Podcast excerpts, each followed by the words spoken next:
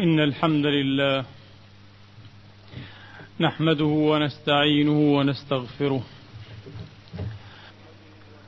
ونعوذ بالله من شرور أنفسنا ومن سيئات أعمالنا من يهده الله فلا مضل له ومن يضلل فلا هادي له وأشهد أن لا إله إلا الله وحده لا شريك له وأشهد أن سيدنا وحبيبنا ونبينا محمدا عبده ورسوله صلى الله تعالى عليه وعلى آله الطيبين الطاهرين وصحابته المباركين المحسنين. واتباعهم بإحسان إلى يوم الدين وسلم تسليما كثيرا. عباد الله أوصيكم ونفسي الخاطئة بتقوى الله العظيم ولزوم طاعته. كما أحذركم وأحذر نفسي من عصيانه ومخالفة أمره. لقوله سبحانه وتعالى من عمل صالحا فلنفسه ومن أساء فعليها وما ربك بظلام للعبيد. أما بعد أيها الإخوة المسلمون الأحباب يقول الله سبحانه وتعالى في محكم الكتاب الكريم بعد أن أعوذ بالله من الشيطان الرجيم. بسم الله الرحمن الرحيم. لقد من الله على المؤمنين إذ بعث فيهم رسولا من أنفسهم إذ بعث فيهم رسولا من أنفسهم يتلو عليهم آياته ويزكيهم. يتلو عليهم آياته ويزكيهم ويعلمهم الكتاب والحكمة وإن كانوا من قبل لفي ضلال. وإن كانوا من قبل لفي ضلال مبين. صدق الله العظيم. وبلغ رسوله الكريم. ونحن على ذلك من الشاهدين. فاجعلنا اللهم من شهداء الحق القائمين بالقسط. آمين. اللهم آمين. أيها الإخوة المسلمون هذه الآية الجليلة من سورة آل عمران. في معناها آيات ثلاث أخرى. أولى هذه الآيات في سورة البقرة على لسان النبيين الكريمين إبراهيم وإسماعيل وهي دعوة منهما. بعد أن رفع القواعد من البيت ضرع إلى الله سبحانه وتعالى بدعوات واجفات كان منها قولهما عليهما الصلوات والتسليمات ربنا وابعث فيهم رسولا منهم يتلو عليهم آياتك ويعلمهم الكتاب والحكمة ويزكيهم إنك أنت العزيز الحكيم. ويبدو أن الله تبارك وتعالى قد استجاب هذه الدعوة الضارعة الواجفة. فقال في نفس السورة أعني سورة البقرة كما أرسلنا فيكم رسولا منكم يتلو عليكم آياتنا ويزكيكم ويعلمكم الكتاب والحكمة ويعلمكم ما لم تكونوا تعلمون. ثم قال فاذكروني أذكركم واشكروا لي ولا تكفرون. ورابع هذه الآية في سورة الجمعة هو الذي بعث في الأميين رسولا منهم يتلو عليهم آياته ويزكيهم ويعلمهم الكتاب والحكمة وإن كانوا من قبل لفي ضلال مبين. وقد لوحظ أيها الإخوة الأحباب أن التزكية في ثلاث آيات من هذه الآية الأربع قد توسطت التلاوة وتعليم الكتاب والحكمة. يتلو عليهم ويزكيهم ويعلمهم إلا في دعوة النبيين الكريمين إبراهيم وإسماعيل عليهما السلام. ربنا وابعث فيهم رسولا منهم يتلو عليهم آياتك ويعلمهم الكتاب والحكمة ويزكيهم. وقد عرضنا مرة أو مرات سريعا عرضا سريعا وعرضيا لسر هذه التفرقة. بعض العلماء وبعض النحاة يرون أنه ما من فرق يعتد به. ليس هناك من فرق والفرق كبير جدا. إذ أنهم يرون أن الواو هنا لا تفيد ترتيبا. لو قدمت وأخرت فالأمر مستو. سيان كلا. هناك فرق كبير جدا. ومقصود في دعوة النبيين الكريمين تأخرت التزكية. وفي خبر الله سبحانه وتعالى عن واقع الأمر. وكما هو توسطت التزكية التلاوة والتعليم. وقبل أن نجيب أو قبل أن نبين عن سر هذه التفرقة أو سر هذه المخالفة بين هذه الآية وبين الآيات الثلاث لا بد أن نعرض بالبيان لمعنى كلمة التلاوة. لقد من الله على المؤمنين إذ بعث فيهم رسولا من أنفسهم يتلو عليهم آياته. يشعر المسلم بادئ النظر أو بادئ الرأي أن التلاوة هنا ينبغي أن تكون أمرا وراء أمر ترديد الكلم العلوي الجليل إنها أمر أكبر وأخطر من هذا الترديد الذي يحسنه كل واحد منا. إذا كانت القضية قضية تلاوة فكل أحد يحسن هذه التلاوة يحسن هذه التلاوة. إنها لا تعني مجرد ترديد أو تكرار لكلم الله المنزل الكريم سبحانه وتعالى. ربما تعني البلاغ الأول إذ أن القرآن العظيم على قلبه عليه الصلاة وأفضل السلام إنما أنزل وهو أول مأمور بالصدع والصدح به عليه الصلاة وأفضل السلام فهو أول تال وعن لسانه أخذ هذا الكلم العلوي ومن ثم حفظ وسجل ودو وجعل المسلمون يتلونه ويرددونه ويبلغونه البلاغ الثاني أو البلاغ الآخر. أما البلاغ الأول فالمأمور به محمد عليه الصلاة وأفضل السلام. فهو أول تال وهو أول مبلغ. ما فائدة الإعراب عن هذه الحقيقة المعروفة؟ من المعروف أنه أول تال وأول مبلغ.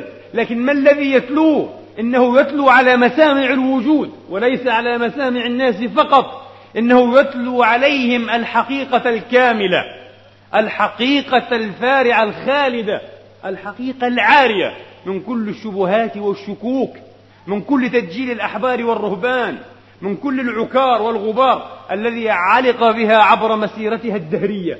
من لدن آدم إلى لدن محمد عليهم الصلوات والتسليمات أجمعين. إنه يبلغ ويصدح ويصدح بكلمة الله سبحانه وتعالى كما أنزلت ويعرب عن مقاصد الله عن مقاصد الله في الخلق وفي الوجود. ومن هنا أشعر شعورا ثانويا أن التلاوة هنا يقصد بها خصوص المعنى العقدي.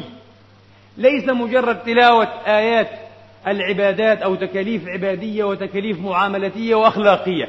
كلا يشعر المرء لو دقق في موارد هذه اللفظة في كتاب الله تبارك وتعالى وفي هذا المورد على وجه الخصوص أنه يراد بها خصوص المعاني والشؤون العقدية. كيف؟ في محاجة خزنة النار لأهل النار والعياذ بالله. ألم تأتكم رسل منكم يتلون عليكم آيات ربكم وينذرونكم لقاء يومكم هذا؟ ألم يذكروكم بالحشر والنشر بالجنة والنار بيوم الدينونة والحساب؟ لقد أرسلناك في أمة. اللهم صل على محمد. في سورة الرعد. في سورة الرعد لتتلو عليهم الذي أوحينا إليك وهم يكفرون بالرحمن. وهم يكفرون بالرحمن. لتتلو عليهم الذي أوحينا إليك. أي تلاوة؟ إنها الخاصة بآيات التوحيد والوجود الأعلى الفذ الخاصة بمسائل الاعتقاد. لتتلو عليهم الذي أوحينا إليك وهم يكفرون بالرحمن. وأما تعليم الكتاب والحكمة فإنه شأن مختلف إنه تعليم الشرائع شرائع العبادات والمعاملات والأخلاق والسلوك. ومن هنا جاء محمد عليه الصلاة وأفضل السلام يقظة يقظة للعقل ويقظة للقلب والسلوك للقلب والسلوك. كيف؟ لماذا قرنا بين القلب والسلوك؟ يزعم بعض الناس أو قد يحسب أنه قادر على الزعم مع سقراط مثلا أن الإنسان إنما يتحرك وينبعث بوحي محاكمات العقل بوحي إملاءات العقل. وهذا باطل من القول بداهة. إن الناس أكثر الناس على الإطلاق أكثر الناس على الإطلاق إنما ينبعثون ويهتاجون ويتحركون ويحفزون بأهوائهم لا بإملاءات عقولهم. أهواءهم تحركهم أكثر ما تحركهم عقولهم. لو حركت الناس عقولهم كما تحركهم أهواؤهم لكان أمر الدنيا بخير. لكان حال أكثر الناس في صلاح وسداد ورشاد. لكن الأهواء هي التي تطغى وهي التي تملي على الناس لا العقل ولا محكمات العقل. وإذا كان البرهان هو المسار العتيد الذي يسير فيه العقل فإن النور الذي نحتاجه جميعا معشر المكلفين أو معشر الآدميين هو المسار الذي ينبغي أن يسير فيه الإنسان. هو طريق السلوك. يا أيها الناس قد جاءكم برهان من ربكم وأنزلنا إليكم نورا مبينا. البرهان هو مسار العقل والنور هو مسار الإنسان. هو الدرب الواضح اللاحب للسلوك. من أين أخذنا هذا المعنى الثاني؟ لماذا قلنا للسلوك؟ لأن الله تبارك وتعالى قال أو من كان ميتا فأحييناه وجعلنا له نورا يمشي به في الناس. إذا هو الدرب الذي يسير فيه الإنسان. وأنزلنا إليكم نورا مبينا. إنه توجيه للسلوك والبرهان توجيه للعقل. وجعلنا له نورا يمشي به في الناس. كمن مثله في الظلمات ليس بخارج منها؟ أبدا. هذا ما توحيه هذه اللفظة. لفظة التلاوة المأمور بها. وأنتم ترون أن هذه الآيات الأربع كلها تضافرت وتواردت على تأكيد معنى واحد. ما هو هذا المعنى؟ إنه الإعراب عن وظائف الرسالة الرئيسة الكبرى الثلاث. إنها ثلاث وظائف رئيسة. الوظيفة الأولى التلاوة. الوظيفة الثانية التزكية. الوظيفة الثالثة التعليم. تعليم الكتاب والحكمة. تعليم الكتاب والحكمة. إنها الوظائف الكبرى الأخطر للرسالة وللرسول عليه الصلاة وأفضل السلام. ونسارع أيضا استباق النتائج ومحصلة هذه الخطبة إن شاء الله بتسجيل هذه الحقيقة.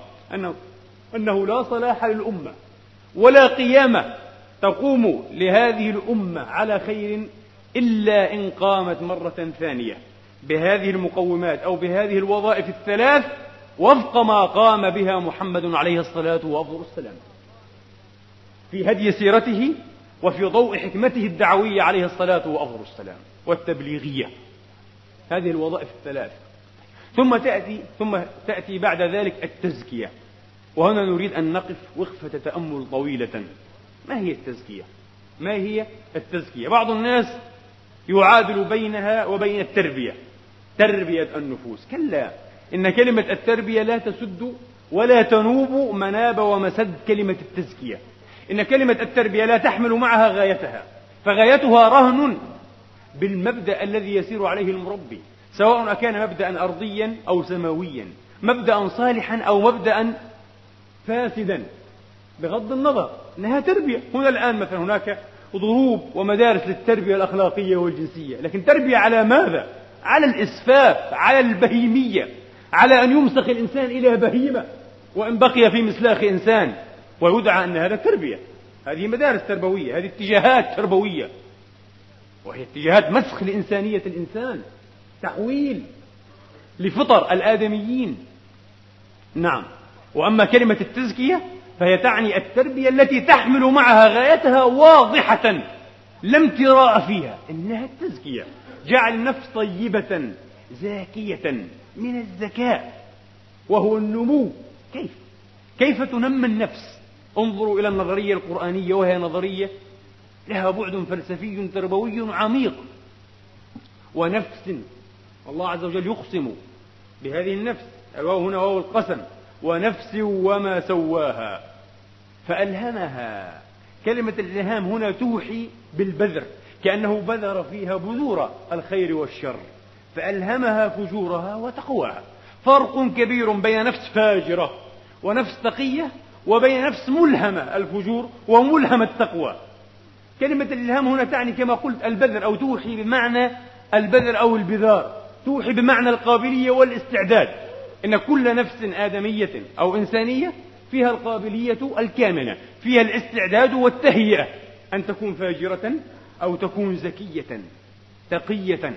قد أفلح من زكاها وقد خاب من دساها. التدسية هي الدس والتخبئة تماما كالبذرة التي لا تفلح. أن تصير أو أن تغدو شجرة باسقة عظيمة ضاربة بفروعها في السماك الأعلى أو في عنان السماء والفضاء. إنها مدساة. إنها في أرض الخمول. إنها في أرض الفجور.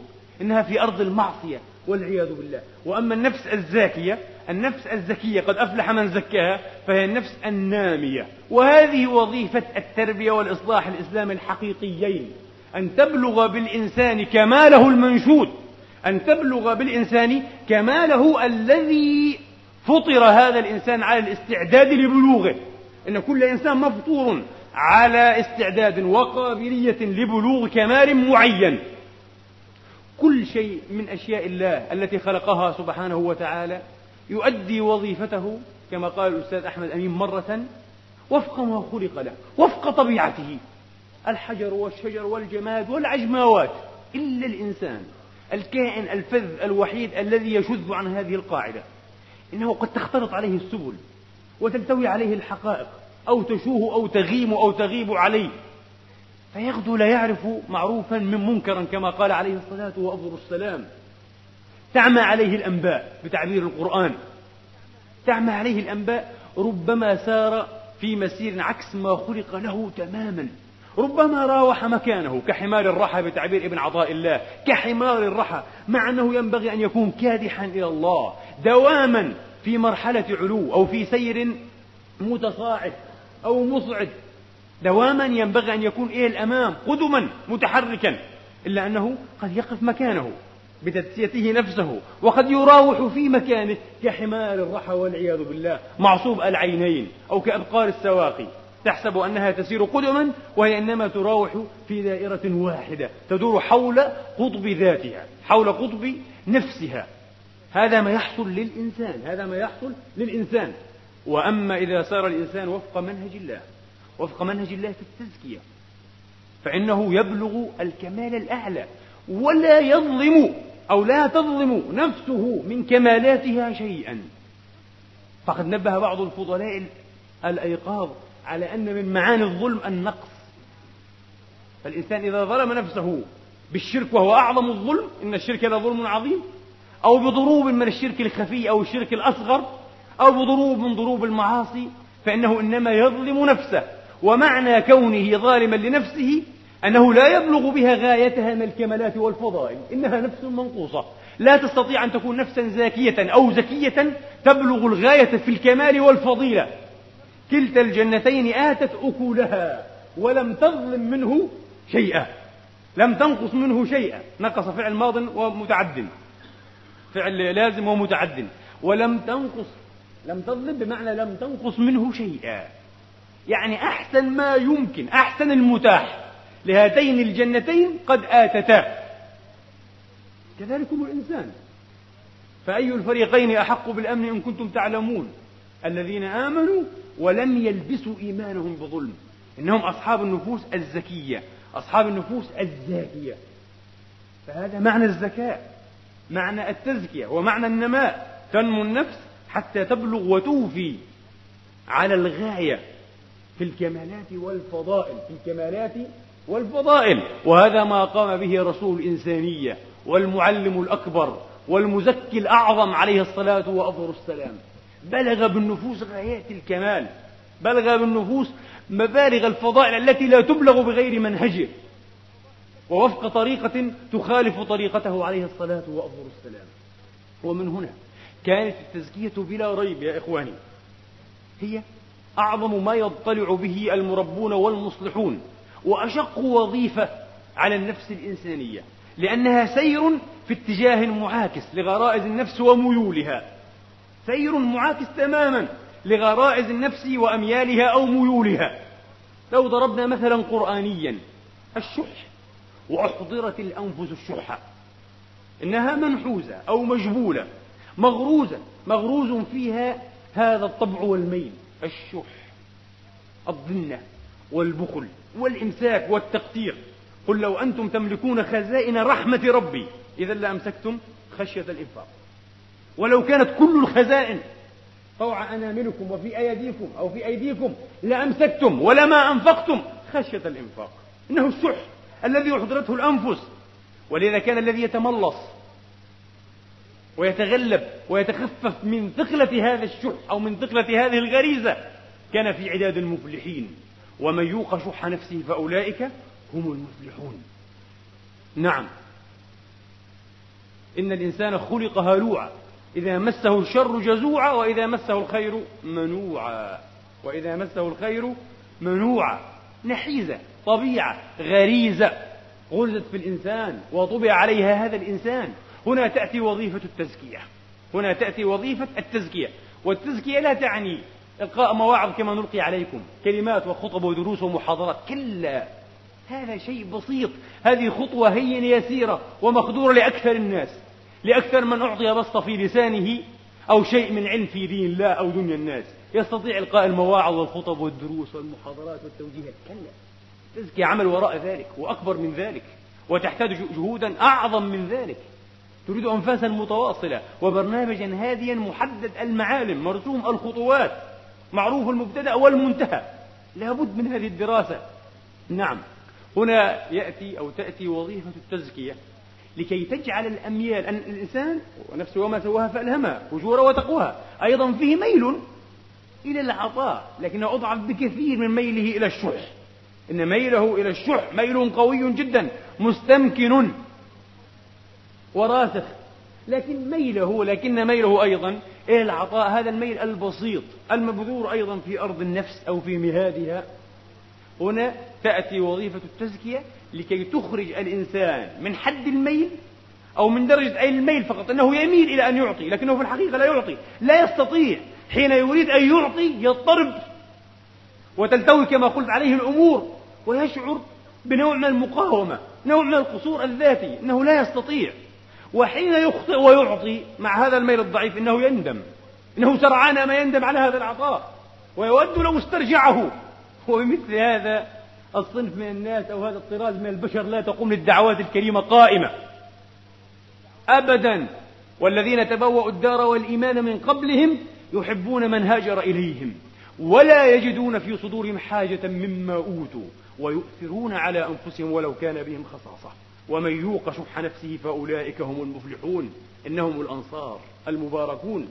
الذين قال فيهم النبي مربيهم عليه الصلاة وأفضل السلام يقلون عند الطمع لكنهم يكثرون عند الفزع.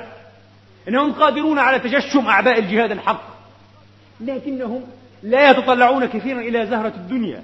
إنهم ليسوا من أصحاب النفوس ذوات المطامع والمطامح والتطلعات الكبيرة في الدنيا. كلا إنهم يقلون عند الطمع.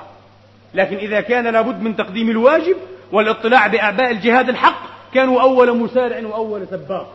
وبهذا الصنف العجيب من الناس الكريم التقي نصرت دعوة الحق في مهد الإسلام وفجره في مهد الإسلام وفجره. ومن هنا الله عز وجل أعلم حيث يجعل رسالته وأعلم حيث يجعل مهاجر نبيه. ونحن نتنسم. ونحن على أبواب عام هجري جديد. نتنسم هذه الذكرى الخالدة التي قد نقف عليها إن شاء الله الخطبة الجمعية القادمة إذا يسر الله وأعان. إنه عز وجل أعلم أين يجعل رسالته وأدرى وأين يجعل مهاجر نبيه والصفوة المختارة المخلصة من الجيل الأول رضي الله تعالى عنهم وعنا وعنكم أجمعين. ومن يوق شح نفسه فأولئك هم المفلحون. حين يتحول الميل إلى عادة عادة طيعة الإنسان يستجيب للعطاء بل يستجيشه العطاء والبذل طواعية وعن وحب وسماحة. نستطيع أن نتلمس آثار التزكية في هذا الحين فقط. فقمت ولم أجذم مكاني ولم تقم. مع النفس علات البخيل الفواضح. أن يصير أمر الإنسان على هذا النحو نستطيع أن نقول إننا متمكنون من قطف ثمار التزكية. فقمت ولم أجذم مكاني ولم تقم مع النفس علات البخيل الفواضح العلات الفواضح. إنها دسيت هذه العلل. دسيت. ونما شيء آخر في النفس. لا يؤمن أحدكم حتى يكون هواه تبعا لما جئت به. إذا فوظيفة التزكية أن تجعل الشهوة محكومة للعقل وأن تجعل الأهواء محكومة للشرع وأن تجعل الإنسان متماسكا في سوق المطامع والدنيا الآن بالذات في هذا العصر أصبحت كلها كما قال بعض الأدباء سوقا. كل شيء في هذا السوق يخضع للمساومة للعرض والطلب حتى المبادئ حتى العقائد حتى الفضائل والكمالات. كل شيء يمكن أن يباع ويمكن أن يشترى. لا ثبات على مبدأ لا إخلاص لغاية لا إخلاص لمقصد النبيل الدنيا سوق. إن إله السوق كما يسميه الغربيون هو الحاكم هو إله الناس الأقزام أصحاب الهمم الصغيرة والعزمات الخنثى في هذا الزمان. إن هذا الإله هو الحاكم في هذا الزمان. كيف يتماسك الإنسان بمبادئه وغاياته وأهدافه وعقائده في زمان السوق هذا؟ كيف يتماسك؟ هي وظيفة التزكية. إنها أثر التزكية أو أثر من آثار التزكية الكثيرة. ولله در شاعر المعرة حين قال سبح وصل وطف بمكة زائرا. سبعين لا سبعا. فلست بناسك. ليس هذا النسك والعبادة أن تطوف وأن تسبح. إنها تكاليف يسيرة هذه كما قلت في الخطبة السابقة.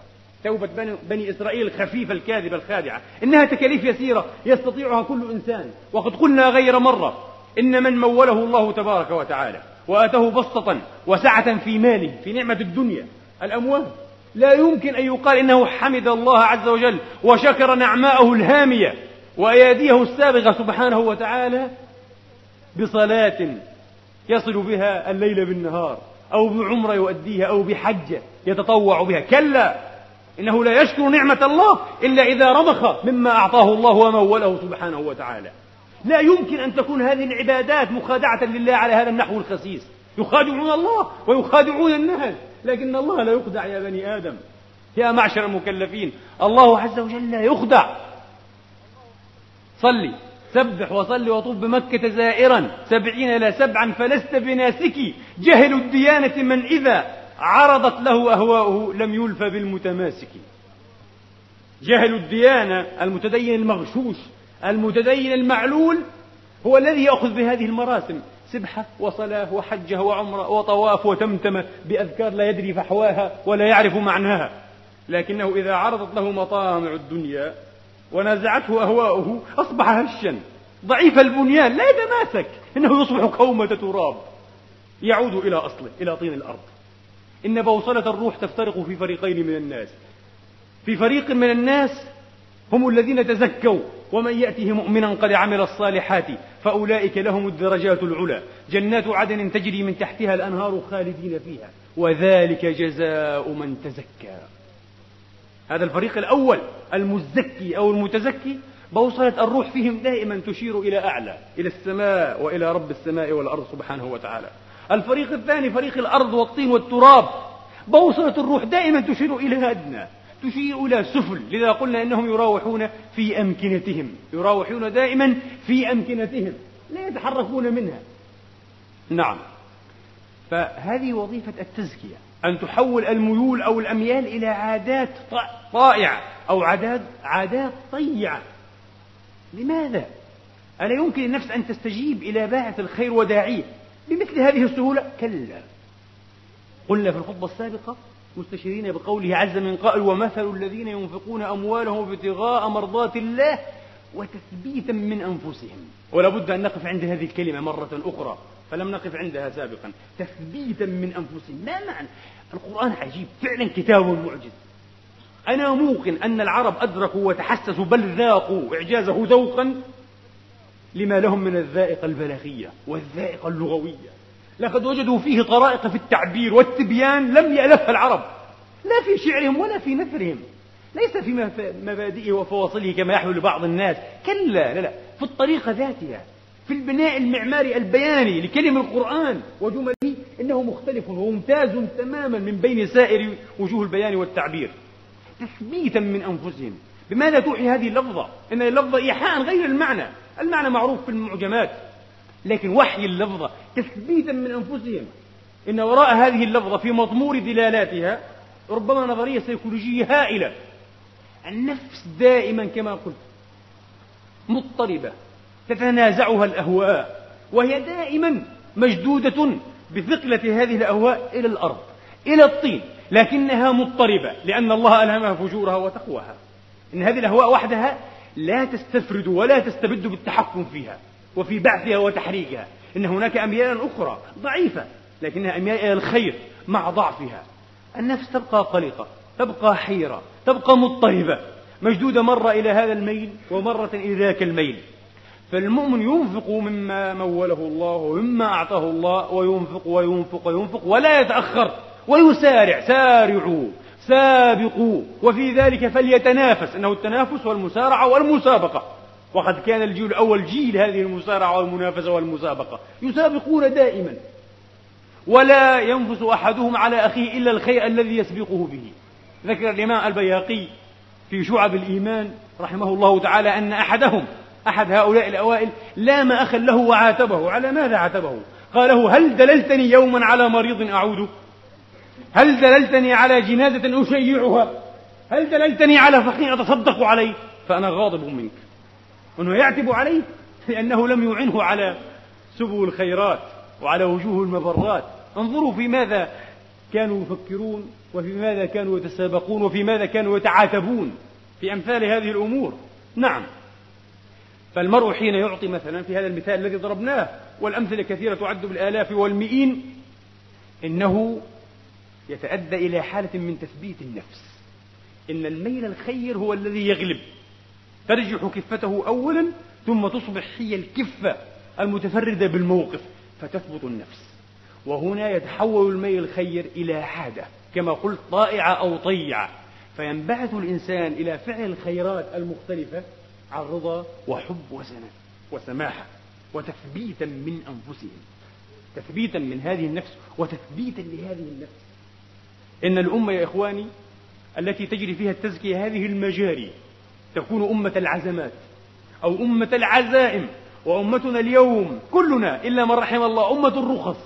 الكل يبحث عن رخصة في العبادة والمعاملة حتى في الأخلاق. حتى يريد أن يبرر أخلاقه السيئة التي يجافيها أدب الإسلام وكمال الإسلام يريد أن يبرر ذلك بضرب من ضروب التبرير والاحتيال على الحكم الشرعي. يريد أن يبرر لنفسه الكذب على الناس وغش الناس واستغلال الناس والسخرية بهم. وغيبتهم ونميمتهم إنها أمة الرخص.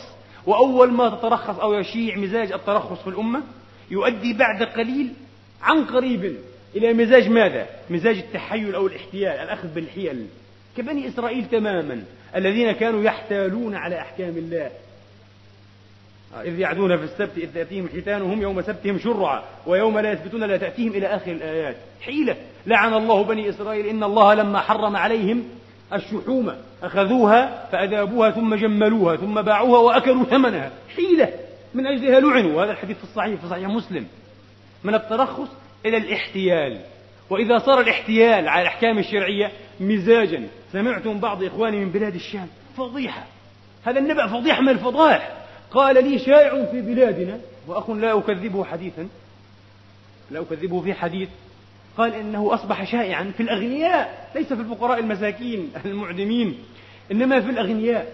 يريد أن يخرج زكاة ماله فربما أخرج حبوبا أو دقيقا. فيخرج كيسا مثلا من دقيق من شعير أو من بر ويضع فيه ملايين الليرات يضع المال فيه في كيس الشعير عشرة مليون عشرين ثلاثين خمسين مليون. ثم يقول الفقير هذه صدقة مالي أو زكاة مالي المفروضة أريد أن أخرجها. هذا كيس يساوي مثلا خمسين ليرة. تأخذه يقول بارك الله فيك. ثم يقول له تبيعني هذا الكيس بألف ليرة؟ فيقول نعم. طبعا بارك الله فيك. يحسب أنه إنما يريد. فيأخذه يأخذ الكيس بما فيه من زكاة. العشر ملايين ليرة هي الزكاة الحقيقية. ويظن نفسه إنما أخرج الزكاة ثم أخذها. ألا لعنة الله على الظالمين. ما هذا التلاعب؟ والله الذي لا يزكي أنا أقسم أقسم بالله الذي لا يزكي أشرف حالا عند الله وعند الناس من هذا الكذاب المخادع.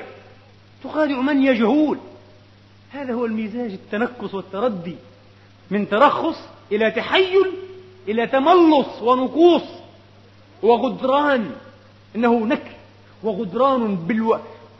بوفاء المواثيق والعهود وأمانات الدين. تماما كما وقع لبني إسرائيل. نحن أمة الرخص وأمة الاحتياج لا أمة العزمات. أمة العزمات لا تعرف الرخص. وبهذا تنصر الدعوات. عبد الله بن أم مكتوم رضي الله تعالى عنه وأرضاه. المعروف قصته في عبس؟ هذا الرجل يقول زيد بن ثابت كاتب وحي رسول الله رضي الله تعالى عنه وأرضاه. والسلام على رسول الله والصلوات. يقول كنت جالسا إلى جانب الرسول عليه الصلاة وأفضل السلام فنزل عليه الوحي وغشيته السكينة فوقع فخذه على فخذي فما وجدت شيئا أثقل من فخذ رسول الله عليه الصلاة وأفضل السلام. ثم سري عنه ثم سري عنه فقال اكتب يا زيد لا يستوي القاعدون من المؤمنين والمجاهدون في سبيل الله. من سورة النساء. قال فكتبت فقام عبد الله ابن أم مكتوم. وقال يا رسول الله فما بال الذي لا يستطيع جهادا. أنا أعمى ضرير مكفوف البصر. والله يقول لا يستوي. المسألة ليس فيها يعني وجها من وجوه التكليف والإلزام. لكنها تنفي المساواة. إنها تنفي المساواة. نعم لا تعني أن الأعمى ليس له عذر. لكن تقول لا يستوي. لا يستوي من قعد مع من جاهد. والرجل يريد الخير يريد الكمالات والعزمات. لماذا لا أستوي هل أنا أدفع ضريبة أنني ولدت أكمه مكتوما وهذا معنى المكتوم الأكمة الذي ولدته أمه أكمة. ولدت أكمه مكتوما أدفع ضريبة هذا مرة ثانية. إنه يريد أن يرتفع إلى مقام المجاهدين وإن كان معذورا. التطلعات مختلفة. فما هو إلا أن سأل هذا السؤال حتى غشيته السكينة عليه السلام مرة أخرى. قال فوقع لفخذه مثلما وقع في المرة الأولى. ردت فخذ زيد بن ثابت. لأن الوحي ثقيل قولا ثقيلا. جبريل يهبط عليه فتصبح فخذه ثقيلة جدا. ثم سري عنه ثم قال ماذا كتبت يا زيد؟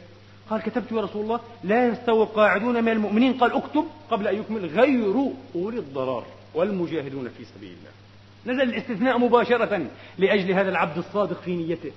الصادق في اعتراضه إن كان اعترض رضي الله تعالى عنه وأرضاه. لكن ماذا يحكي لنا التاريخ؟ هذا التاريخ الماجد الباذخ. يقول لنا هذا التاريخ إن عبد الله ابن أم مكتوم رضي الله تعالى عنه وأرضاه كان حريصا مذ نزل هذا العذر غير أولي الضرر وهو من أولي الضرر بلا شك. مذ نزل هذا العذر على أن يحضر الغزوات يحضر الغزوات والمشاهد كلها. لم تفته غزوة ولا مشهد. عزيمة تحركه الإيمان هو الدافع. كان يقول أقيموني بين الصفين اختط لنفسه خطة العمل في الجهاد. أقيموني بين الصفين. أحمل لكم اللواء فإنما أنا رجل أعمى لا أستطيع الفرار. سأظل حامل اللواء أو أقتل. وهكذا لما كانت السنة الرابعة عشرة من هجرة المصطفى عليه الصلاة والسلام وصحبه كانت وقعة القادسية. وكان عبد الله ابن أم مكتوم رضي الله تعالى عنهم وأرضاهم أجمعين. وسيرنا الله في آثارهم وفي طرقهم. كان هو حامل لواء المسلمين. امتدت المعركة الضروس القاسية العبوس. ثلاثة أيام احترب فيها الفريقان حربا. لم تشهد أو لم يشهد تاريخ الفتوح حربا مثلها. وقضى الله سبحانه وتعالى بالنصر المظفر لمعسكر التوحيد. ودالت دولة من أعظم الدول دولة الفرس. وتطوح عرش من أعرق العروش. هو عرشهم. وسقط مئات الضحايا من المسلمين الصادقين كان من بينهم عبد الله الضرير رضي الله تعالى عنه وأرضاه. وجد غائصا مخضبا في دمائه وهو يعتنق يعانق لواء المسلمين. لم يتركه إلى آخر لحظة الأعمى. بماذا نقابل الله نحن أمثالنا؟ الأصحاء المقتدرون الوافرون في قوتنا وفي جلدنا. ماذا فعلنا للإسلام؟ الأبوة الحانية التي تترك ستا من البنات العذارى الأبكار غير مزوجات من يكفلهن؟ مع أخ صغير يدرج في مدارج الشباب وميعة الصبا جابر بن عبد الله بن حرام رضي الله عنهم وأرضاهم أجمعين. يقول جابر بن عبد الله الأنصاري بن عبد الله بن حرام الأنصاريين رضي الله تعالى عنهم يقول فيما يروي عن أبيه قال لي أبي عشية أحد أو ليلة معركة أحد يا بني كن في نظار أهل المدينة أي في الذين ينتظرون لا تخرج معنا إلى ساحل الجهاد. كن في نظار أهل المدينة. وانظر إلى ما يصير أمرنا. فوالله الذي لا إله إلا هو لولا أني أترك من بعدي بنات. بنات عفوا. ست بنات لأحببت أن تقتل بين يدي. أنا لا أظن بك على نصرة الحق وأن تكون مجاهدا مثلي.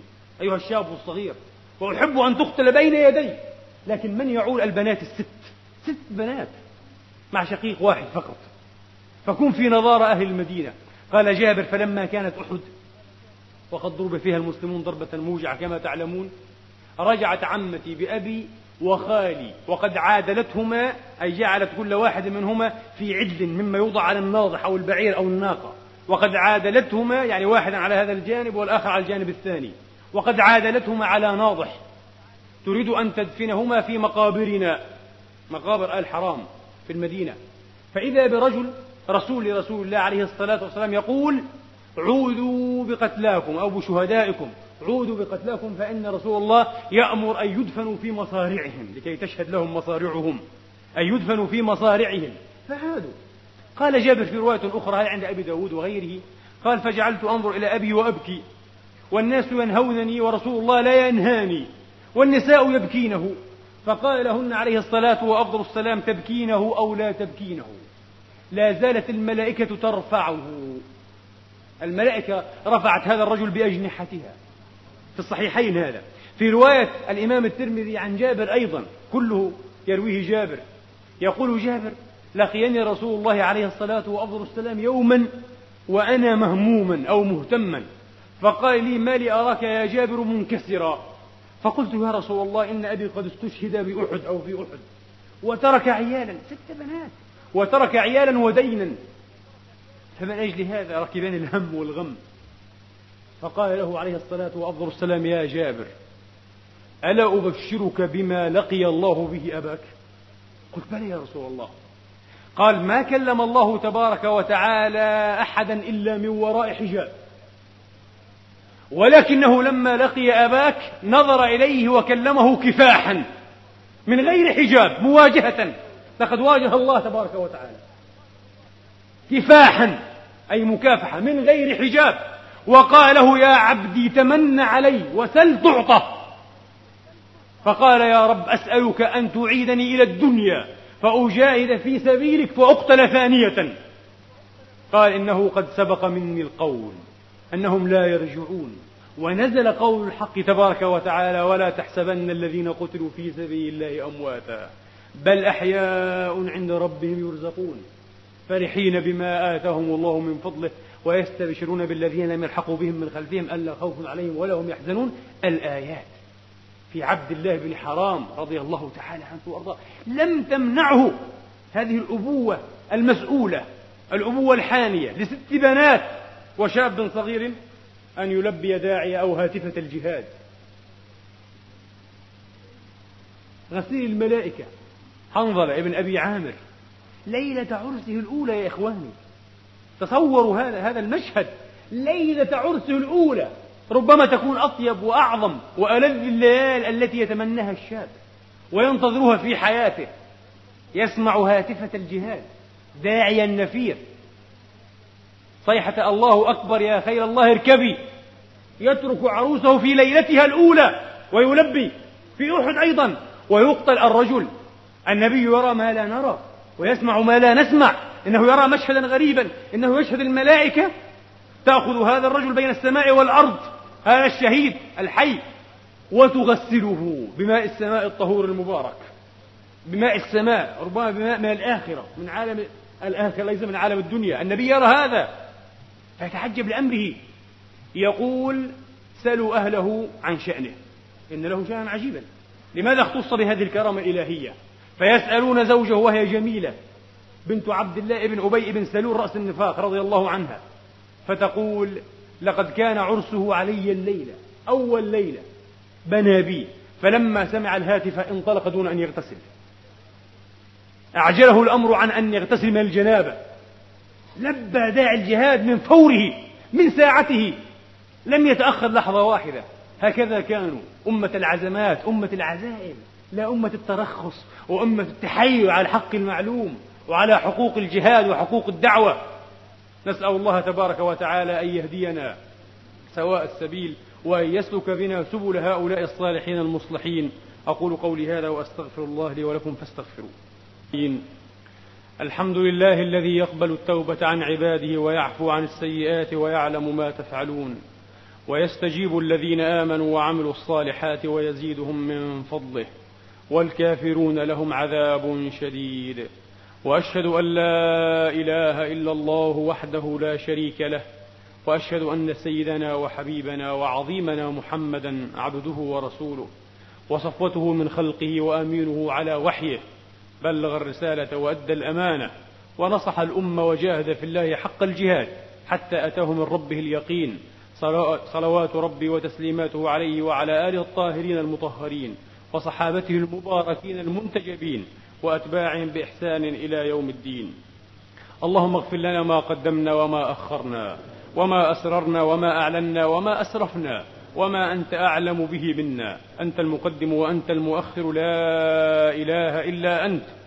اللهم أعنا على ذكرك وشكرك وحسن عبادتك. اجعلنا مفاتيح الخير مغاليق للشر. أصلحنا وأصلح بنا. واهدنا واهد بنا يا رب العالمين. ربنا اغفر لنا ولإخواننا الذين سبقونا بالإيمان. ولا تجعل في قلوبنا غلا للذين آمنوا. ربنا إنك رؤوف رحيم. اللهم إنا نسألك ونضرع إليك بالدعاء والضراعة يا رب العالمين. أن تصطفينا شهداء في سبيل لواء دينك. ورفعة شريعتك.